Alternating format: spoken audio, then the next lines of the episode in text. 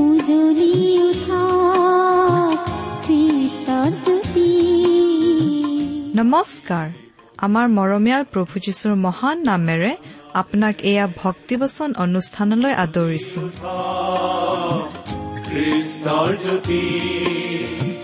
আকাশ বতাহ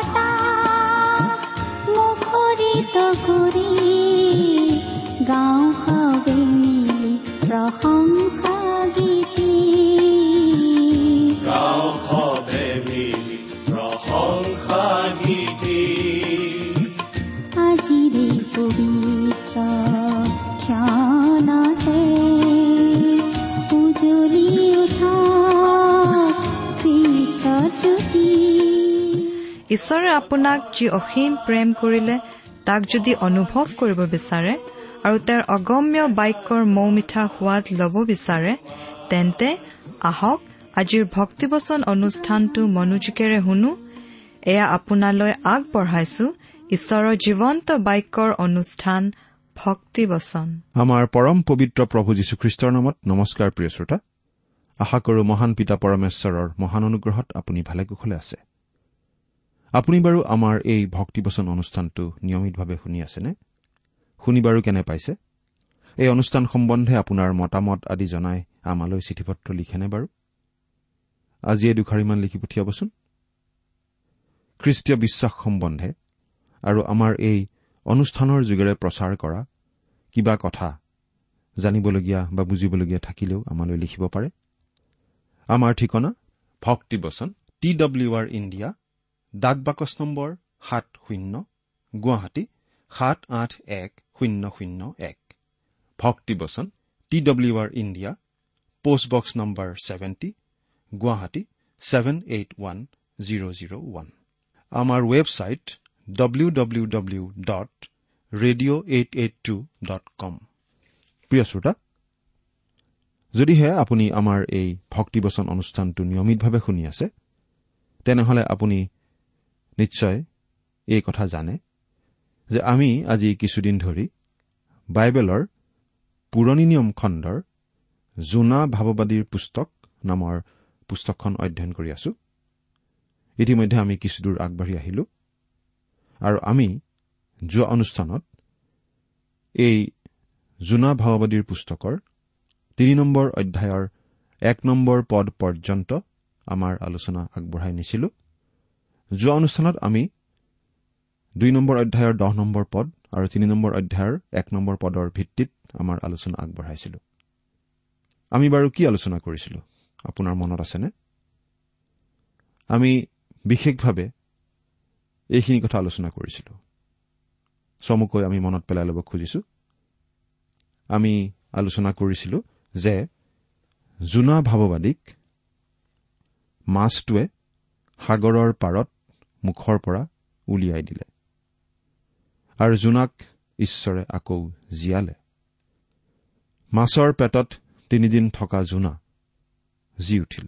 ঈশ্বৰে জীয়ালে। জোনা এতিয়া সলনি হল। পৰিৱৰ্তিত হল। নতুন মানুহ হল। ঈশ্বৰে জোনাক আকৌ সুযোগ দিছে। জোনা এতিয়া ঈশ্বৰৰ বাধ্য হৈ নিনবী নগৰলৈ যাবলৈ প্ৰস্তুত। এতিয়া আমি দেখিবলৈ পাম এখন পাপপূৰ্ণ নগৰৰ প্ৰতি ঈশ্বৰে প্ৰদৰ্শন কৰা দয়া আৰু কৰুণাৰ কথা। এই জোনা ভাওবাদীৰ পুস্তকৰ তিনি নম্বৰ অধ্যায়ৰ দুই পদৰ পৰা যেতিয়া আমি পঢ়ি যাম আমি এই কথা দেখিবলৈ পাম। এখন পাপপূৰ্ণ নগৰৰ প্ৰতি ঈশ্বৰে প্ৰদৰ্শন কৰা দয়া আৰু কৰুণা। যিটো ঘটনা ঘটা আমি ইয়াত দেখিবলৈ পাম এইটো হয়তো এই পৃথিৱীত ঘটা সকলোতকৈ চমকপ্ৰদ পুনৰ জাগৰণৰ এটা উদাহৰণ। পুনৰ জাগৰণ মানে মানুহে পাপৰ পথ এৰি পাপৰ জীৱন এৰি পুনৰ ঈশ্বৰলৈ উভতি অহাৰ কথা। নহয় জানো? পুনৰ জাগৰণ মানে আমি সেইটোৱেই ইয়াত বুজি পাইছো। পাপ এৰি পুনৰ ঈশ্বৰলৈ উভতি অহাৰ কথা। নিনবী নগৰত যি ঘটিছিল সেই ঘটনা আনকি পঞ্চাছদিনীয়া পৰ্বৰ দিনাখনো যি ঘটিছিল তাতকৈও চমকপ্ৰদ আছিল। পঞ্চাছদিনীয়া পৰ্বৰ দিনাখন কেইহাজাৰমান মানুহ ঈশ্বৰলৈ ঘূৰিছিল মন পালটন কৰি প্ৰভু যীশুক বিশ্বাস কৰিছিল। আৰু সেই পঞ্চাছদিনীয়া পৰ্বৰ দিনৰ পৰাই খ্ৰীষ্টীয় মণ্ডলী এই পৃথিৱীত স্থাপিত হৈছিল বুলি আমি কওঁ। পঞ্চাছদিনীয়া পৰ্বৰ দিনা মাত্ৰ কেইহাজাৰমান মানুহে ঈশ্বৰলৈ ঘূৰিছিল। কিন্তু সেই নিনবী নগৰত কেইবালাখো লোক আছিল। আৰু নিনবী নগৰত থকা সেই কেইবালাখো লোক ঈশ্বৰলৈ ঘূৰিছিল। এনেকুৱা আগতে কতো কেতিয়াও ঘটা নাছিল। এনেদৰে সমগ্ৰ নগৰ এখনেই ঈশ্বৰলৈ ঘূৰি অহা ঘটনা আগতে কতো ঘটা আমি পোৱা নাই। পাচনি পৌলেও কোনো এখন নগৰৰ গোটেইবোৰ মানুহক খ্ৰীষ্টলৈ আনিবলৈ দিন অতিবাহিত কৰা নাছিল। নগৰ এখনৰ গোটেইবোৰ মানুহে খ্ৰীষ্টক গ্ৰহণ নকৰা পৰ্যন্ত তেওঁ নগৰখনতেই থাকিব এনেকুৱা কতো আমি দেখা নাই।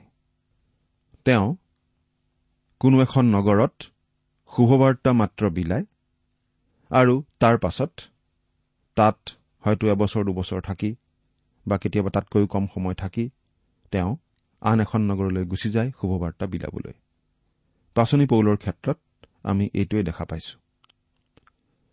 প্ৰিয় শ্ৰোতা আমি সেই নিনবী নগৰৰ কথাকেই চাওঁচোন? ইমান দিন আগতে সেই নিনবী নগৰত ঈশ্বৰৰ আত্মাই যি ধৰণৰ কাম কৰিছিল সেই দিন ধৰি আজি পৰ্যন্ত তেনে আৰু কতো ঘটা নাই। প্ৰিয় শ্ৰোতা এই কথাটো বিশেষভাৱে মন কৰিবলগীয়া যে এই সৰ্বশ্ৰেষ্ঠ পুনৰ জাগৰণটো ঘটিছিল এই পৃথিৱীত খ্ৰীষ্টীয় মণ্ডলী স্থাপন হোৱাৰ আগতে। আৰু সৰ্বকালৰ সৰ্বশ্ৰেষ্ঠ পুনৰ জাগৰণটো ভৱিষ্যতে ঘটিবলগীয়া আছে। সেই পুনৰ জাগৰণ কেতিয়া ঘটিব জানেনে? ভৱিষ্যতৰ সেই সৰ্বশ্ৰেষ্ঠ পুনৰ জাগৰণ ঘটিব যেতিয়া এই পৃথিৱীৰ পৰা খ্ৰীষ্টীয় মণ্ডলীক উত্তোলিত কৰি লৈ যোৱা হ'ব। তাৰ পাছতহে। গতিকে আচলতে আমি এই বুলিও ক'ব পাৰো যে ঈশ্বৰে খ্ৰীষ্টীয় মণ্ডলীৰ ওপৰত ইমান নিৰ্ভৰ কৰা নাই। খ্ৰীষ্টীয় মণ্ডলীতকৈ ডাঙৰ চিন্তাহে ঈশ্বৰৰ মনত আছে ঈশ্বৰৰ আঁচনিত আছে। তাৰমানে আমি খ্ৰীষ্টীয় মণ্ডলীক অৱহেলা কৰিব খোজা নাই। খ্ৰীষ্টীয় মণ্ডলীৰ বিশেষ গুৰুত্ব আছে আৰু বিশেষ স্থান ঈশ্বৰৰ আঁচনিত আছে। খ্ৰীষ্টীয় মণ্ডলী হ'ব খ্ৰীষ্টৰ কন্যা। আৰু অনন্তকাল ধৰি খ্ৰীষ্টীয় মণ্ডলী খ্ৰীষ্টৰ অতি নিকট স্থানত থাকিব দৰাৰ কাষত কইনা থকাৰ নিচিনাকৈ। এই খ্ৰীষ্টীয় মণ্ডলীৰ বাবেই খ্ৰীষ্টই নিজৰ আপোন প্ৰাণ দিলে ক্ৰুচৰ ওপৰত সেই মণ্ডলীক পাবৰ বাবে। গতিকে খ্ৰীষ্টীয় মণ্ডলীৰ গুৰুত্ব নিশ্চয় আছে। কিন্তু ঈশ্বৰৰ নিজৰ কিছু পৰিকল্পনা আছে। জগত সৃষ্টিৰ আদিৰে পৰা তেওঁ সেই পৰিকল্পনা মতে কাম কৰি গৈছে। খ্ৰীষ্টীয় মণ্ডলী স্থাপন হোৱাৰ পূৰ্বৰে পৰা। সেই কাম তেওঁ কৰি আছে কৰি থাকিব। আজি ঈশ্বৰৰ লক্ষ্য হৈছে সকলো দেশৰ সকলো জাতিৰ সকলো ভাষাৰ লোকক তেওঁলৈ আহান কৰি অনা শেষ দিন সমাগত শেষ দিন ওচৰ চাপি আহিছে। আৰু ঈশ্বৰৰ বাক্য চাৰিওপিনে বিয়পি পৰাটো ঈশ্বৰে বিচাৰে। কিন্তু সৰ্বকালৰ সৰ্বশ্ৰেষ্ঠ পুনৰ জাগৰণটো ভৱিষ্যতেহে হ'ব। আৰু নিনবীৰ ঘটনাটো আচলতে ভৱিষ্যতে হ'বলগীয়া সেই ঘটনাটোৰ আগতীয়া ছবি মাথোন।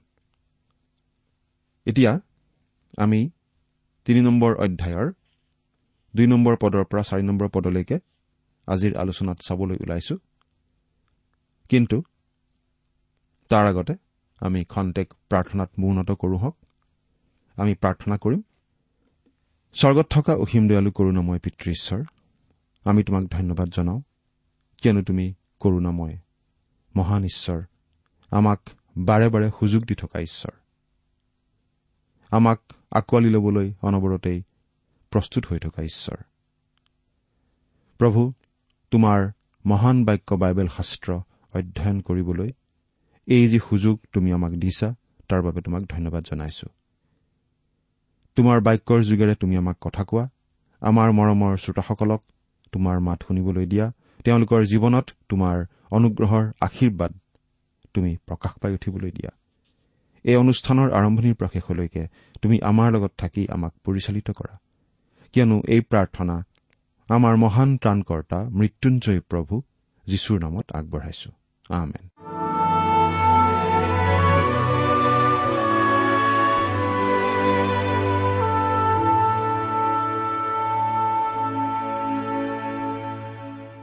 প্ৰিয় শ্ৰোতা আপোনাৰ লগত বাইবেল আছেনে বাৰু? যদিহে আছে তেতিয়াহ'লে পুৰণি নিয়মৰ জোনা ভাৱবাদীৰ পুস্তক নামৰ পুস্তকখন উলিয়াই ল'ব। তিনি নম্বৰ অধ্যায়টো মেলি লওকচোন। আৰু যদিহে আপোনাৰ লগত বাইবেল নাই তেতিয়াহ'লে আমি বাইবেলৰ পৰা পঢ়ি দিলে মন দি শুনি যাব। আমি পাঠ কৰি দিব খুজিছো। জোনা তিনি নম্বৰ অধ্যায়ৰ দুই নম্বৰ পদ। তুমি উঠি সেই মহানগৰ নিনবিলৈ গৈ যি কথা মই তোমাক প্ৰচাৰ কৰিবলৈ কম তাক সিহঁতৰ আগত প্ৰচাৰ কৰা। প্ৰিয় শ্ৰোতা আমি আগতেও দেখি আহিছো যে এই নিনবী নগৰখন এখন মহানগৰ আছিল অতি ডাঙৰ নগৰ আছিল। এই কথা আমি জোনা এক নম্বৰ অধ্যায়ৰ দুই নম্বৰ পদতেই পাওঁ। এই জোনা ভাৱবাদীৰ পুস্তকখনৰ শেষৰ পদতো কৈছে। তেনেহলে সোঁহাত আৰু বাওঁহাতৰ মাজত প্ৰভেদ কৰিব নোৱাৰা এশ বিছ হাজাৰতকৈ অধিক মানুহ আৰু অনেক পশু থকা সেই মহানগৰ নিনবিলৈ মোৰ দয়া নালাগিবনে? জোনা চাৰি নম্বৰ অধ্যায়ৰ এঘাৰ নম্বৰ পদত আমি এনেদৰে পাওঁ।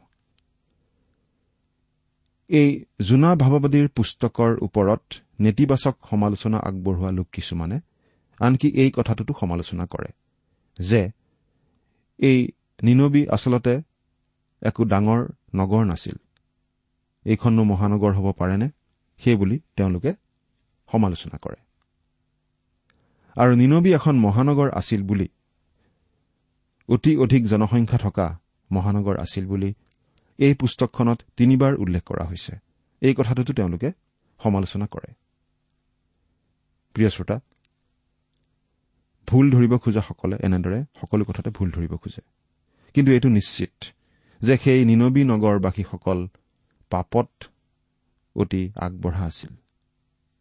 কিন্তু এইটো খাটাং যে নিনবী নগৰখন বৰ ডাঙৰ নগৰ আছিল। ওঠৰশ পঞ্চল্লিছ চনত খনন কাৰ্যত আৱিষ্কৃত হোৱাৰ পাছত জানিবলৈ পোৱা যায় যে নিনবী নগৰখন সমতলত অৱস্থিত প্ৰায় চাৰিওফালে নদীবিলাকেৰে আগুৰা এখন নগৰ আছিল। আচলতে এই নগৰখন টাইগ্ৰীছ নদীৰ পাৰত অৱস্থিত আছিল। টাইগ্ৰীছ নদী বৈ আহি ওপৰৰ পৰা বৈ অহা জাব নদীৰ লগ লাগি ইংৰাজী ভি আখৰটোৰ নিচিনা এখন উপত্যকাৰ সৃষ্টি কৰিছিল। আৰু নদী দুখনৰ ওপৰ পিনে উত্তৰ দিশত এলানি পৰ্বতমালা আছিল। গতিকে গোটেই নগৰখন প্ৰকৃতিয়ে প্ৰতিৰক্ষা দি ৰাখিছিল। ওপৰ পিনে পাহাৰ আৰু দুয়ো কাষে নদী। সেই অঞ্চলত কেইবাখনো নগৰ আছিল। নিনবী আছিল ওপৰ পিনে টাইগ্ৰীছ নদীৰ পাৰত। তলৰ পিনে য'ত টাইগ্ৰীছ নদী জাব নদীৰ লগত মিলিত হৈছিল তাতে আছিল কালাহ নামৰ আন এখন নগৰ। আৰু শাস্ত্ৰত কোৱাৰ দৰে বৰ্তমান নিমৰুদৰ ভগ্ন অৱশেষ বুলি জনা যায় এই কালাহ নগৰক। এই কালাহ নিনবী নগৰৰ পৰা ওঠৰ মাইল দক্ষিণ পূবত অৱস্থিত আছিল। খৰচাবাদ নগৰখন নিনবীৰ পৰা প্ৰায় বাৰ মাইল উত্তৰ পূবে জাব নদীৰ পাৰত অৱস্থিত আছিল। সেই সময়ত নগৰবোৰ দেৱালেৰে আগুৰা আৰু সৰু সৰু আছিল বাবে নিনবীখন প্ৰকাণ্ড নগৰ বুলি কোৱাত মানুহে আপত্তি দৰ্শায়। কিন্তু আচলতে ইয়াত নিনবী বুলি যে কোৱা হৈছে এখন মহানগৰ নাছিল। নিনবীত আচলতে দেৱালেৰে আবৃত তিনিখন নগৰ আছিল। আচল নিনবী কালাহ আৰু খৰচাবাদ। নিনবী আছিল ৰাজধানী। আৰু গোটেই ঠাইখনক নিনবী বুলিয়েই মানুহে জানিছিল। এইটো অতি সাৰুৱা উপত্যকা আছিল। বিপদৰ সময়ত মানুহবোৰে সেই দেৱালেৰে ঘেৰা নগৰকেইখনত আশ্ৰয় লৈছিল। সেই নিনবী কিন্তু বহিঃ শত্ৰুৰ আক্ৰমণৰ বাবে ধ্বংস হোৱা নাছিল। আচলতে বানপানীয়েহে গোটেইবোৰ নগৰ একেবাৰে ধ্বংস কৰি পেলাইছিল। এইটো আন এটা মন কৰিবলগীয়া কথা যে আদি পুস্তক দহ নম্বৰ অধ্যায়ৰ এঘাৰ আৰু বাৰ নম্বৰ পদত আমি এই বুলি পঢ়িবলৈ পাওঁ।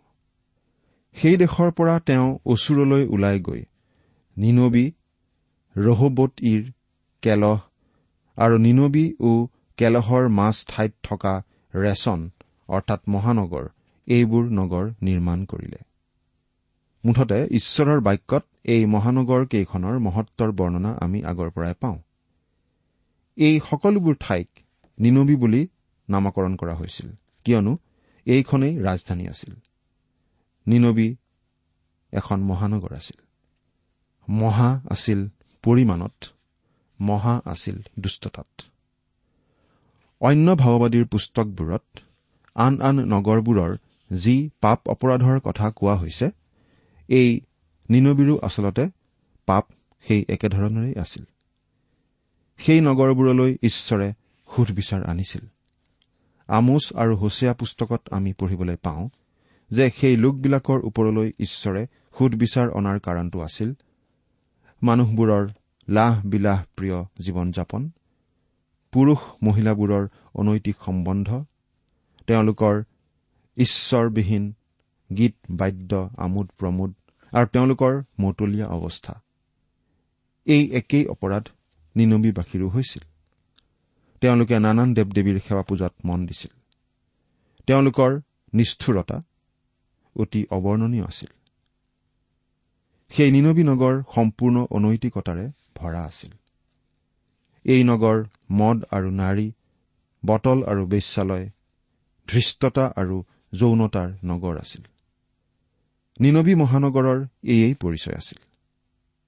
এনেহেন এখন মহানগৰৰ ভিতৰলৈ যাবলৈ আৰু পৰিচৰ্যা কৰিবলৈ জোনাক আহান দিয়া হৈছে। এতিয়া পাঠ কৰি দিম তিনি নম্বৰ অধ্যায়ৰ তিনি নম্বৰ পদটো। তেতিয়া জোনা উঠি জিহুৱাৰ বাক্য অনুসাৰে নিনবীলৈ গ'ল। নিনবী অতিশয় বৃহৎ তিনিদিনীয়া বাটৰ নগৰ। এই কথাটো লক্ষ্য কৰক যে এতিয়া জোনাই কামবোৰ কৰিবলৈ ধৰিছে। জিহুৱাৰ বাক্য অনুসাৰে।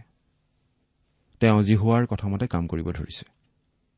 প্ৰথমবাৰ কিন্তু তেওঁ টৰ্চিছৰ বাবে পালতৰা জাহাজতহে উঠিছিল যিটো জিহুৱাৰ বাক্য অনুসাৰে নাছিল। কিন্তু তেওঁ এতিয়া জিহুৱাৰ বাক্য অনুসাৰে নিনবীলৈ গৈ আছে। নিনবী অতিশয় বৃহৎ তিনিদিনীয়া বাটৰ নগৰ। নিনবী অতিশয় বৃহৎ আছিল তিনিদিনীয়া বাটৰ নগৰ আছিল। এই কথাটো আমি আকৌ এবাৰ মনত পেলাইছো। চাৰি নম্বৰ পদ পাছে জোনাই নগৰত সোমাই নিনবী চল্লিছ দিনৰ মূৰত নষ্ট হ'ব। এই বুলি প্ৰচাৰ কৰি কৰি এদিনৰ বাট গ'ল। গোটেই ঠাইখনলৈ যাওঁতে জোনাৰ নিশ্চয় যথেষ্ট সময় লাগিছিল। জোনাৰ হাতত কোনো অনাতাঁৰ যন্ত্ৰ নাছিল। তেওঁৰ কোনো মেগাফোন নাছিল মাইক নাছিল। তেনেহলে তেওঁ কেনেকৈ এই কাম কৰিলে বাৰু? ভাবিলে কিন্তু আমাৰ অলপ আচৰিতো লাগে। আমি থকা নগৰখনৰ সৈতে যেতিয়া আমি নিনবীক তুলনা কৰো তেতিয়া এই কথাটো ভাবি আমাৰ নিশ্চয় অলপ আচৰিত লাগে। কিয়নো নিনবী অতি প্ৰকাণ্ড নগৰ আছিল। জোনাৰ কোনো মটৰ গাড়ী অটো ৰিক্সা আদি নাছিল নহয় জানো? হয়তো তেওঁ কোনোবা ৰাস্তাৰ চুকত ব্যস্ত ৰাজআলিত থিয় হৈ ঈশ্বৰৰ বাক্য ঘোষণা কৰিছিল। তাৰ পাছত আকৌ অন্য তিনিআলিলৈ গৈ হয়তো প্ৰচাৰ কৰিছিল। আৰু হয়তো ব্যস্ত আলিবাট পাৰ হবলৈ ট্ৰেফিকৰ সংকেত দিয়ালৈ বাট চাই থকা অৱস্থাত আন কিছুমান মানুহৰ আগতো প্ৰচাৰ কৰিছিল। এইধৰণে কৰাৰ কাৰণে হয়তো তেওঁৰ যথেষ্ট সময়ো লাগিছিল। এতিয়া কোনোবাই হয়তো সুধিব পাৰে জোনাই লোকসমূহক কেনেকৈ পালে? লোকসমূহৰ আকৰ্ষণ তেওঁ কেনেকৈ পালে। লোকসমূহক উলিয়াই অনা যিকোনো এজন শিক্ষক প্ৰচাৰকৰ বাবে সদায় প্ৰধান সমস্যা। এইটো আমাৰ বাবেও স্বাভাৱিক আৰু সঠিক ৰীতি যে যিমান পৰা যায় সিমান লোকক ঈশ্বৰৰ বাক্য শুনাবৰ বাবে আমি বিচাৰি অনা উচিত। তেনেহলে জোনাই এই কামটো কেনেদৰে কৰিলে? তেওঁ বৰ্তমানৰ আমাৰ পদ্ধতিবোৰ নিশ্চয় ব্যৱহাৰ কৰা নাছিল বা আমাৰ বিভিন্ন কৌশলবোৰ তেওঁ নিশ্চয় একো ব্যৱহাৰ কৰা নাছিল। নিশ্চয় কোনো বাদ্যযন্ত্ৰ তেওঁ ভাড়া কৰি অনা নাছিল। কোনো মুকলি ঠাইত বাদ্য বাজনা কৰি মানুহক আকৰ্ষণ কৰি অনা নাছিল। তেনেকুৱা পদ্ধতি তেওঁ নিশ্চয় ব্যৱহাৰ কৰা নাছিল। অৱশ্যে আজিৰ দিনৰ বাবে এইবোৰ বৰ উপযোগী পদ্ধতি। কিন্তু জোনাই এইবোৰ পদ্ধতি ব্যৱহাৰ কৰা নাছিল। তেওঁ কথা কবলৈ কোনো বিখ্যাত লোক বা গীত গাবলৈ মহান গায়ক ভাড়া কৰি অনা নাছিল। তেওঁ লোকসমূহৰ আমোদ প্ৰমোদৰ বাবে একো ব্যৱস্থাও কৰা নাছিল। সেইবোৰ তেওঁৰ পদ্ধতি নাছিল। আজিকালি যিবোৰ পদ্ধতি আমি ব্যৱহাৰ কৰো সেইবোৰতকৈ জোনাৰ পদ্ধতি নিশ্চয় অলপ বেলেগ আছিল। তেওঁৰ পদ্ধতিটো আছিল এইয়ে যে তেওঁ মৃত্যুৰ পৰা ঘূৰি অহা এজন মানুহ। আৰু আমি ভাবো দেখিবলৈ তেওঁ নিশ্চয় অলপ বেলেগ ধৰণৰ হৈ পৰিছিল। মাছৰ ভিতৰত তিনিদিন তিনি ৰাতি থাকি অহাৰ পাছত জোনা নিশ্চয় দেখিবলৈ একেই হৈ থকা নাছিল। মাছৰ পেটৰ ভিতৰত থকা দ্ৰব্যবোৰে জোনাৰ ওপৰত ক্ৰিয়া কৰি তেওঁৰ চেহেৰা নিশ্চয় অলপ বেলেগ কৰি পেলাইছিল। যেতিয়া তেওঁ বাটৰ চুকত কোনো জনবসতিপূৰ্ণ ঠাইত থিয় হৈছিল তেতিয়া হয়তো মানুহবিলাকে তেওঁক সুধিছিল হেৰি আপুনি ক'ৰ পৰা আহিছে? আপুনিনো ক'ত আছিল? দেখিবলৈ একেবাৰে বেলেগ। তেওঁলোকক হয়তো জনাই কৈছিল মই মৃত্যুৰ পৰা ঘূৰি অহা মানুহ। এটা মাছে মোক গিলিছিল। কাৰণ ঈশ্বৰে মোক নিনবিলৈহে পঠাইছিল কিন্তু মই টৰ্চিছলৈ পলাই যাবৰ বাবে চেষ্টা কৰিছিলো। মানুহবোৰে জোনাৰ কথাত নিশ্চয় ঠাট্টা কৰা নাছিল। তেওঁৰ কথা শুনিছিল। জোনাই সোধ বিচাৰৰ বাৰ্তা লৈ সেই নগৰত সোমাইছিল। নিনবী চল্লিছ দিনৰ মূৰত নষ্ট হ'ব এই বুলি তেওঁ ঘোষণা কৰিছিল। আমি ভাবো সেই বাৰ্তা জোনাই যথেষ্ট মনত লগাকৈ অন্তৰত লগাকৈ দিব পাৰিছিল। কিন্তু তেওঁ নিনবীবাসীক ভাল নাপাইছিল। তথাপি ঈশ্বৰে সেই কাম তেওঁক কৰিবলৈ দিয়া বাবেই সেই কাম তেওঁ কৰিছিল।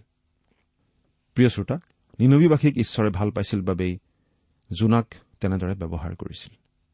আজিও ঈশ্বৰে তেওঁৰ পৰিত্ৰাণৰ বাণী লৈ যাবলৈ আৰু প্ৰচাৰ কৰিবলৈ আমাক আহান কৰি আছে।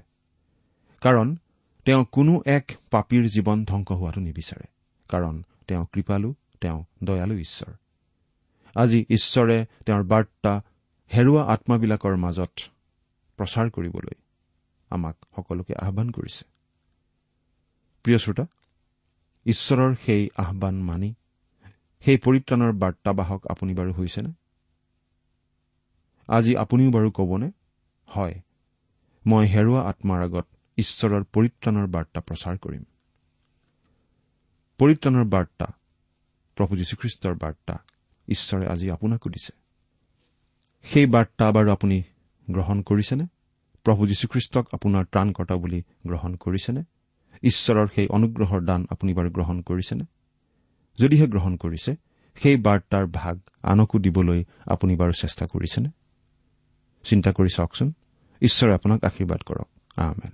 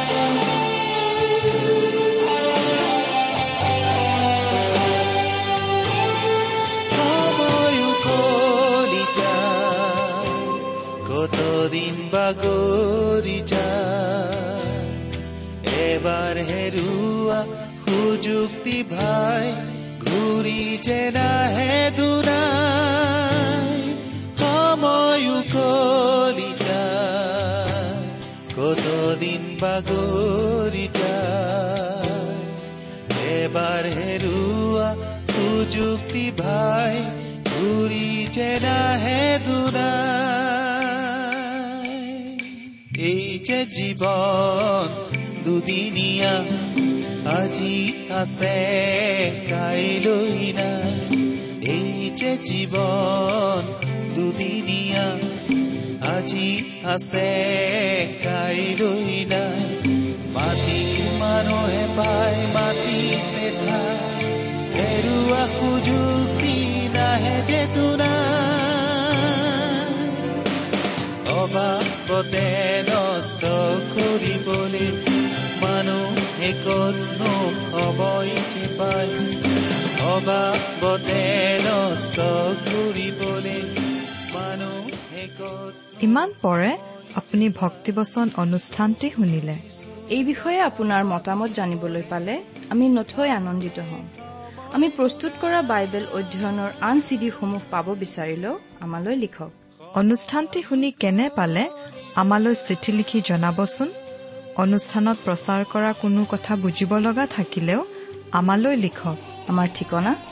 ভক্তিবচন ট্ৰান্স ৱৰ্ল্ড ৰেডিঅ' ইণ্ডিয়া ডাক বাকচ নম্বৰ সাত শূন্য গুৱাহাটী সাত আঠ এক শূন্য শূন্য এক। ঠিকনাটো আৰু এবাৰ কৈছো ভক্তিবচন ট্ৰান্স ৱৰ্ল্ড ৰেডিঅ' ইণ্ডিয়া ডাক বাকচ নম্বৰ সাত শূন্য গুৱাহাটী সাত আঠ এক শূন্য শূন্য এক। আমাৰ ইমেইল এড্ৰেছটো হৈছে S M is T T B at the rate radio' eight eight two dot com আমাৰ website W W W dot T W R dot in আপুনি টেলিফোনৰ মাধ্যমেৰেও আমাক যোগাযোগ কৰিব পাৰে আমাৰ টেলিফোন নম্বৰটো হৈছে শূন্য তিনি ছয় এক দুই ছয় শূন্য চাৰি ছয় সাত এক ফোন নম্বৰটো আকৌ এবাৰ কৈছো zero' three six one two six zero' four six seven one আজিৰ অনুষ্ঠানটি ইমানতে সামৰিছো। ঈশ্বৰৰ শান্তি আৰু অনুগ্ৰহ আপোনাৰ লগত থাকক। ধন্যবাদ। যিচুৰ প্ৰেমৰ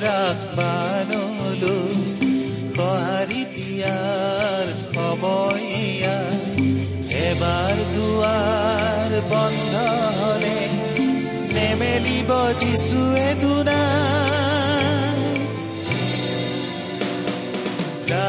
বিলাস আৰু জাগতিকতা জীৱনৰ নুগুচাই লাখ বিলাস আৰু জাগতিকতাই জীৱনৰ নুগুচাই প্ৰকৃতি শান্তি যিচুকেহে পায় তেওঁতে চিৰণি পায় সময়ো কৰি যায়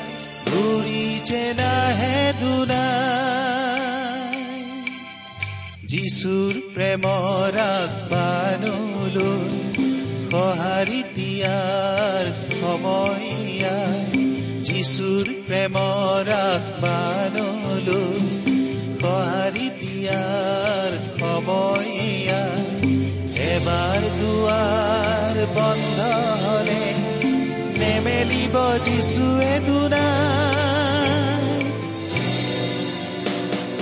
ৰাগ বিলাস আৰু জাগতিকতা জীৱনৰ ভুক্তিয়াক নুগুচাই লাখ বিলাস আৰু জাগতিকতাই জীৱনৰ ভুক্তিয়াক নুগুচাই প্ৰকৃতি শান্তি যিচুকেহে পায়